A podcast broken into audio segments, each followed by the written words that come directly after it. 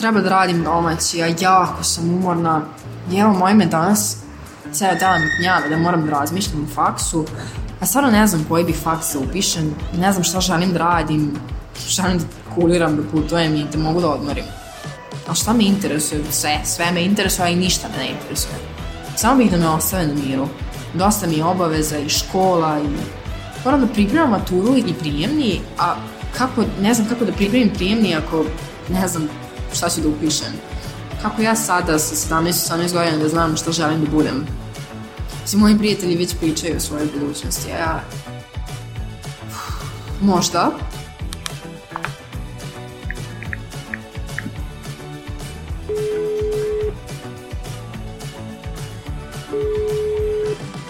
Da. Hej, izvini ako te ometam u nečemu, ali imaš vremena za priču? Imam neke dileme i baš bi mi značalo da popričam s tobom. Mislim, aj prvo da razjasnimo nešto. Zbunjenost i ta konfuzija jeste dobra i to je neka razvojna tačka. U smislu i konflikti su ta zapravo razvojna tačka. Ti kad to razrešiš, ti si napredovao kao ličnost. Tako da ne treba bežati od toga. Je, ono što treba da se uradi jeste da se napravi ono neki predah, da malo staneš, razmisliš. Ovo je Marija Đuđević, psihološkinja. U ovom izdanju umologije razgovaramo o zbunjenosti, identitetu, ali i našim željama. A ja sam Jovana. Osim razgovora kako dolazi do zbunjenosti, ali i priče o identitetu sa kojim se rađamo i koji kreiramo, važna poruka ove epizode jeste da je to sve okej. Okay. I okej okay je da ne znamo što želimo, a okej okay je da znamo. Hajde da uronimo u priču. Mi se već rađamo sa nekom ulogom koja čini naš identitet. Znači, sin, čerka, građanin te i te države, ovaj, pravo, mislim, koju već veri pripadamo i tako dalje. Sad, ono što je specifično za adolescenciju jeste da je tada najviše istražujemo svoj identitet i uh, najviše se izgrađuje. Ali mi se tokom celog života menjamo i neko bi rekao da imamo i više identiteta i ti identiteti se menjaju. I mi kako upoznajemo druge ljude, mi upoznajemo i sebe i to dodatno utiče na naš identitet. Pojedine aspekte, odnosno delove našeg identiteta dobijamo bez razmišljanja o njima. Pojedine stičemo kada prolazimo kroz razne situacije u životu.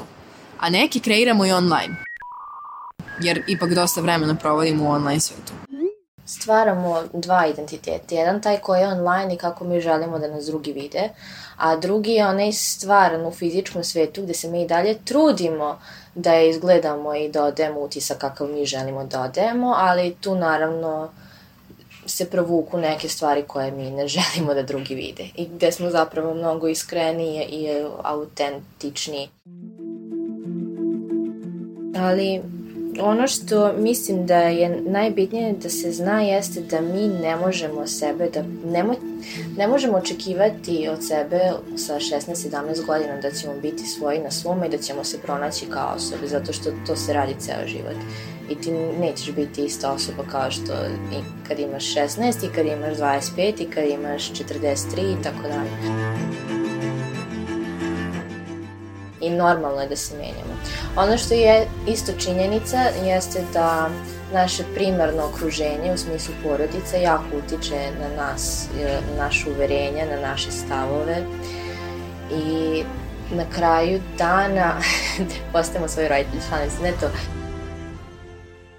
Ali na kraju dana i sve odluke koje kasnije donosimo u životu su determinisane našim vaspitanjem ono šta nas je zapravo porodica naučila. I onda kada se u adolescenciji dešava to razgraničenje od autoriteta u smislu da mi sad želimo da se odvojimo od svojih roditelja i zato počinje i taj bunt prema autoritetu, što je zdravo i što je normalno. Ovaj, I dalje mi zapravo vučemo te neke korene iz porodice. Mislim, adolescencija je jako zabavan period. Jako zbunujući, ali jako zabavan.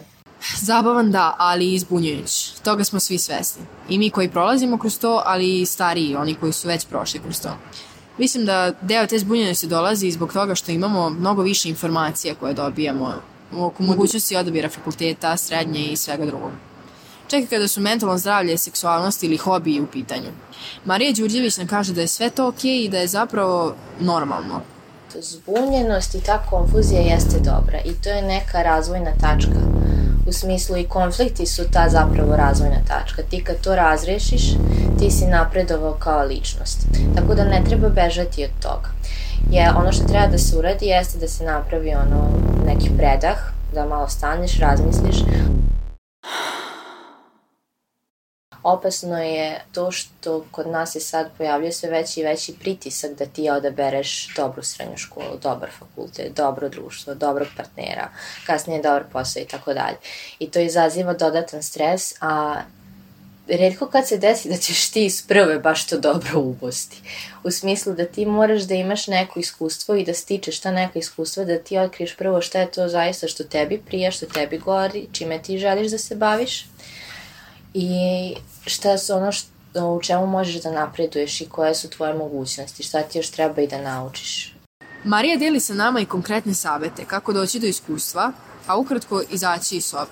Jako dobra stvar je volontiranje, društveni aktivizam i eksperimentisanje u tom smislu. Kad, god, kad kažem eksperimentisanje, ne mislim na rizično ponašanje u smislu droga, alkohol, uh, brza vožnja i tako dalje, nego mislim zaista eksperimentisanje u različitim profesijama i upoznati ljudi iz različitih profesija. Ono što zna da bude izbunjujuće jeste što mi odjednom želimo svime da se bavimo, mislimo da smo dobri u svemu, sve zvuči tako privlačno i imamo sve više i više profesija. Ranije nisi imao tu vrstu pritiska i ranije si mnogo lakše, tipa ono, roditelji ti se bave nekim zanatom, obućar i na kraju ćeš ti naslediti su tu radnju i biti obućar ili kod pravnika ili kod medicinara.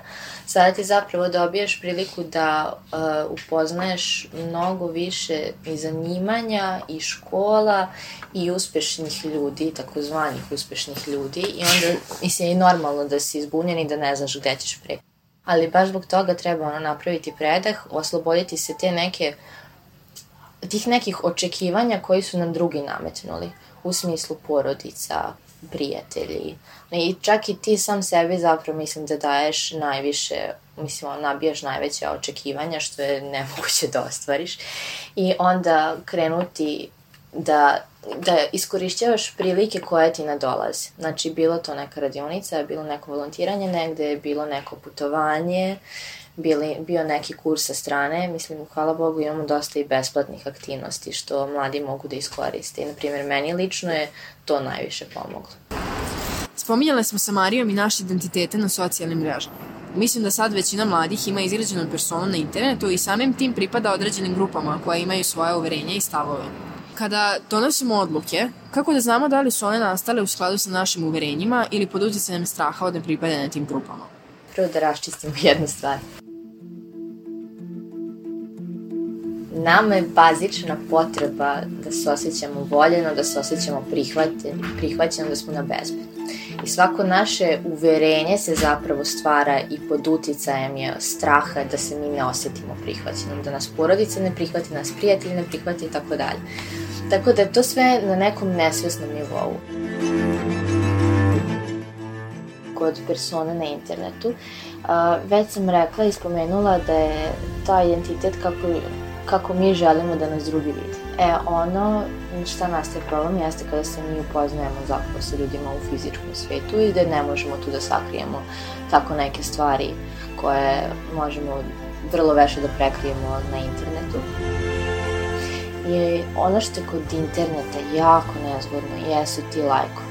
Jeste mm -hmm. taj dopamin što se u, na, u našem mozgu stvara kad mi vidimo koliko lajkova imamo i kada onda počnemo da se osjećamo i poznato i prihvaćeno i tako dalje, a onda uživo zapravo nijemo toliko prijatelji. Sad ti na fotki imaš 3000 lajkova, a u životu se družiš jedva sa dvoje ljudi. I mnogo je zapravo bitnije taj fizički svet, da se ti fizički osjećaš prihvaćeno, da kada to nemamo, mi pokušavamo da nadomestimo to našom personom na internetu se tu stvara dodatan konflikt i dodatno područje za neko od mentalnih, neću da kažem bolesti, ali poteškoća. A što se tiče donošenja odluka, da li su u skladu sa našim uverenjima ili pod uticajem društva, nama je bazična potreba da se osjećamo prihvaćeno. Samim tim mi mnoge stvari radimo uh, baš od straha da se ne bi osje, da se ne osjećamo prihvaćenim. I jako je teško razgraničiti ta dva, zato što na kraju dana sva naša uverenja su nastala pod tim strahom. E sad, ono što treba negovati, ja se da pitamo zašto. Znači da, pre, da razvijemo to kritičko mišljenje, da preispitujemo svaki i naš stav, svaki tuđi stav, svako uverenje i onda da pronalazimo šta je ono što je važi za nas, šta je autentično za nas. I ja uvek ono naglašavam da trebamo da, da ocenimo po tome kako to utiče na nas i kako to utiče na okruženje. U smislu da nije neko malo, malo adaptivno ponašanje, to je rizično ponašanje, na primjer droga, alkohol, znači neka ponašanja koja a, kompenzuju nek, neki naš nedostatak, a izuzetno su na društveno destruktivan način orijentisani. Tako da uvek treba postavljati ta pitanja i istraživati svoj identitet u relaciji sa drugim osobama. Ipak treba da imamo neki odnos sa svojim roditeljima ako su to funkcionalne porodice. U smislu zato što roditelji zaista mogu da nas zaštite od nekih stvari, ali isto tako postoje mnoge porodice koje zapravo ugrožavaju svoju decu koje nisu bezbedno mesto i gde roditelji ono te ugrožavaju. Ima besplatnih omladinskih savjetovališta, na primjer, gde ti možeš tu naći neku podršku psihologa, psihoterapeuta, ili u vršnjačkoj grupi bilo bi sjajno kad bi našao ono podršku nekog prijatelja koji isto može ono, zajedno da povučete neke kočnice i kako da sprečite. Mislim, pitajte se da li ovo meni škodi ili ne. Da li ovo škodi ljudima oko mene ili ne. Um, da li se to dešava svima i da li su svi u jednom momentu toliko zbunjeni, odnosno da li su svi adolescenti zbunjeni, makar u nekim aspektima? To je normalan proces, to je proces koji je s jedne strane neophodan i ne treba sebe kažnjavati ili e, logično je da težimo tom nekom konformizmu, ali treba negovati taj neki nekonformizam u smislu tog preispitivanja i treba biti iskren prema sebi bukvalno banalan primer, da li ću ja da slušam rock muziku zato što mi se sviđa to društvo ili zato što mi prija ta muzika. I onda nekako razgraničiti te neke stvari. I, na primjer, isto treba se uvijek zapitati ako ti nešto ne odgovara, zbog čega ti to ne odgovara, šta je to u, u tebi što se ne slaže sa tim. Tako da, videti, znači, pre svega, dozvoliti sebi da budeš iskren prema sebi. Mislim, prvo prema sebi da bi ti zapravo shvatio ono neke tvoje vrednosti, ne, deo tvog identiteta i da se prema tome orijentišeš. Mislim, hvala Bogu, sad ima sad toliko stvari da mi biramo i da pripadamo i drugačijim grupama ljudi i da se drugačijim profesijama bavimo, možemo birati. Znači, ne moramo više biti ono jednoj kutiji, izaberemo nešto i to radimo do kraja života. Mislim, ne. Ono što je, na primjer, kod mozga nezgodno, jeste što naš mozak tek od 17. pa do 25. godine se posvećuje tom frontalnom delu korteksta, taj neokorteks koji je zadužen za donošenje odluka.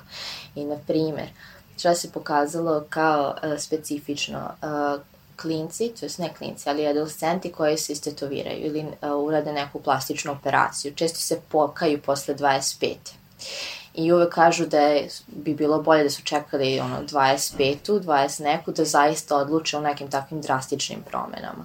I sad nama je u tom periodu kada mi još nismo, kad još ne znamo ni šta zaista želimo, je zadato da biramo fakultet. da.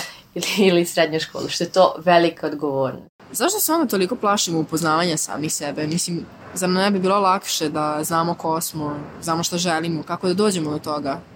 Razumem da nije tako jednostavno. Zato što nećemo znati onda kako da reagujemo, kako da se ponašamo, zato što šta ako otkrijemo nešto što ne želimo da prihvatimo ili što uh, ne znamo kako sa tim da se nosimo ili što nemamo izgrađeno ponašanje u vezi sa tim uverenjem, osobinom i tako dalje. I to je zapravo, mislim, to je klasičan onaj strah od ne, nepoznatog. Mm. Nije to ništa novo i sad treba biti otvoren, stvarno treba biti otvoren i prema sebi i prema drugima. To, dakle, mislim, zato što ne znamo kako ćemo da reagujemo od tog silnog, tih silnih konfuzije koje smo u sami nama. I onda plus bojimo se, dobro šta ako mi u nama ne pronađemo ništa. Mislim, ima tu raznih načina. Ono što treba biti svestan da je skroz ok da ne znaš sebe još, da ne, ne možeš da upoznaš sebe još, mislim, to dolazi vremenom i to dolazi u interakciji sa drugim ljudima. I treba nam definitivno, mislim, mnogo hrabrosti da se mi suočimo sa tim stvarima i da budemo spremni da se nosimo sa onim šta ćemo naći u sebi. Mislim, to nije samo, to, to je generalno, znači da i kad se dese neke neprilike, da se ono zapitaš, ok, šta je moje što ja mogu da uradim sad sa tim? Naročito kada je to nešto što mi ne možemo da utičemo na to. Mislim, kada je, kada smo prosto u disfunkcionalnoj porodici, mislim, rodio si se tu, mislim, šta je dalje, ali šta je ono što ti možeš da učiniš da tebi bude bolje. Pa sad bilo to potražiti neku pomoć ili izaći iz toga ili naći sebi neku alternativu ili se ono što pre osamostaliti, mislim, zavisi. Treba biti svestan da je skroz ok da ne znaš sebe još, da ne, ne možeš da upoznaš sebe još, mislim, to dolazi vremenom i to dolazi u interakciji sa drugim ljudima.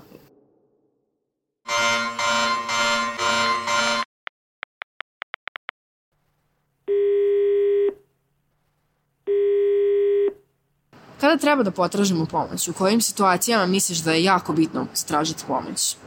Kad osetimo burnout, kad osetimo preveliki stres preveliki pritisak i kad ne možemo da se smirimo. Mislim da je to ono krajnja nužda da ideš. I preventivno je stvarno ok otići i popričati da bi ti mogao da sprečiš neke potencijalne mentalne poteškoće. Znači ta neka mentalna higijena je jako bitna i ti uh, možeš i sam to da radiš. Znači možeš, ne mora čak nužno ni psiholog, bitno je da imaš neku osobu pored sebe sa kojom možeš popričati ili u krajnjem slučaju sam sa sobom.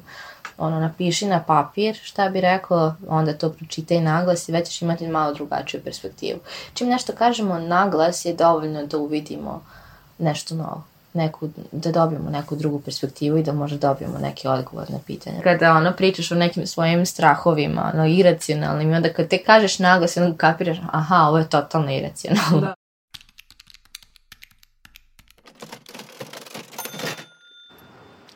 A sada malo brojki.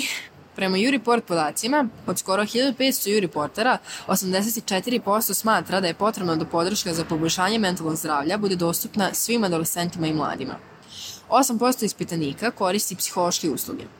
Odgovarali su i na pitanje od koga bi potražili pomoć ili savet.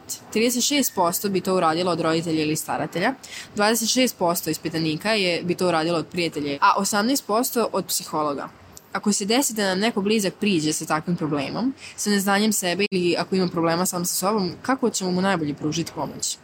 Da ga saslušamo i da se on osjeća prijatno i prihvaćeno. Mislim da je to i da ga prihvatimo onako kakav jeste. E, prihvatanje je nešto š, najviše što možeš da uradiš za neku osobu, da ga prihvatiš onako kakva ona jeste. U gestaltu postoji jedan paradoks promene, tako se zove, a, gde mi ne možemo da, post, da promenimo nešto ako nastajemo da budemo nešto što nismo, nego trebamo prvo da prihvatimo sebe kakvi jesmo onda da vidimo, ok, da li zaista želimo da se menjamo ili da ostanemo u svojoj koži kakva jeste. I tek tad kad prihvatimo i sebe i situaciju u potpunosti, onda zapravo može da dođe do promene.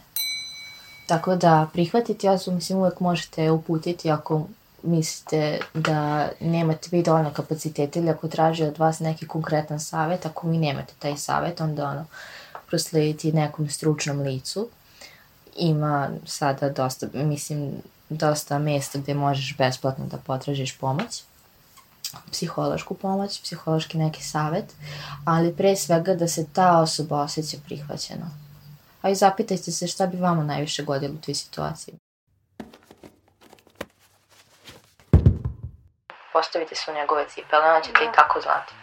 Hvala ti što si me saslušala, Marija. Mnogo mi je lakše sada i, i ova zbrka u moje glavi je malo lakša sad znam da ne moram sve da odlučim odmah i da je okej okay, i da još uvek ne znam sebe i da to dolazi s godinama i ko zna kako će se sve promeniti. I to je sve okej okay i hvala ti što si mi pomogla da to da shvatim. Kažeš samo da treba da odaknem. Wow! Slušajte podcast Umologija Fabrike kreativnosti. Podcast u kom želimo da napravimo nove drajvere, putanje shvatanja i razmišljanja, poimanja sebe, svojih misli i emocija, ali i osoba i sveta oko nas. Novinarka Jovana Grabež, dizajn zvuka Jovan Živković, urednica Aleksandra Bučko, produkcija Fabrika kreativnosti. Ovaj podcast i rad Fabrike kreativnosti podržava Švedska u okviru programa Beogradske otvorene škole Mladi i mediji za demokratski razvoj.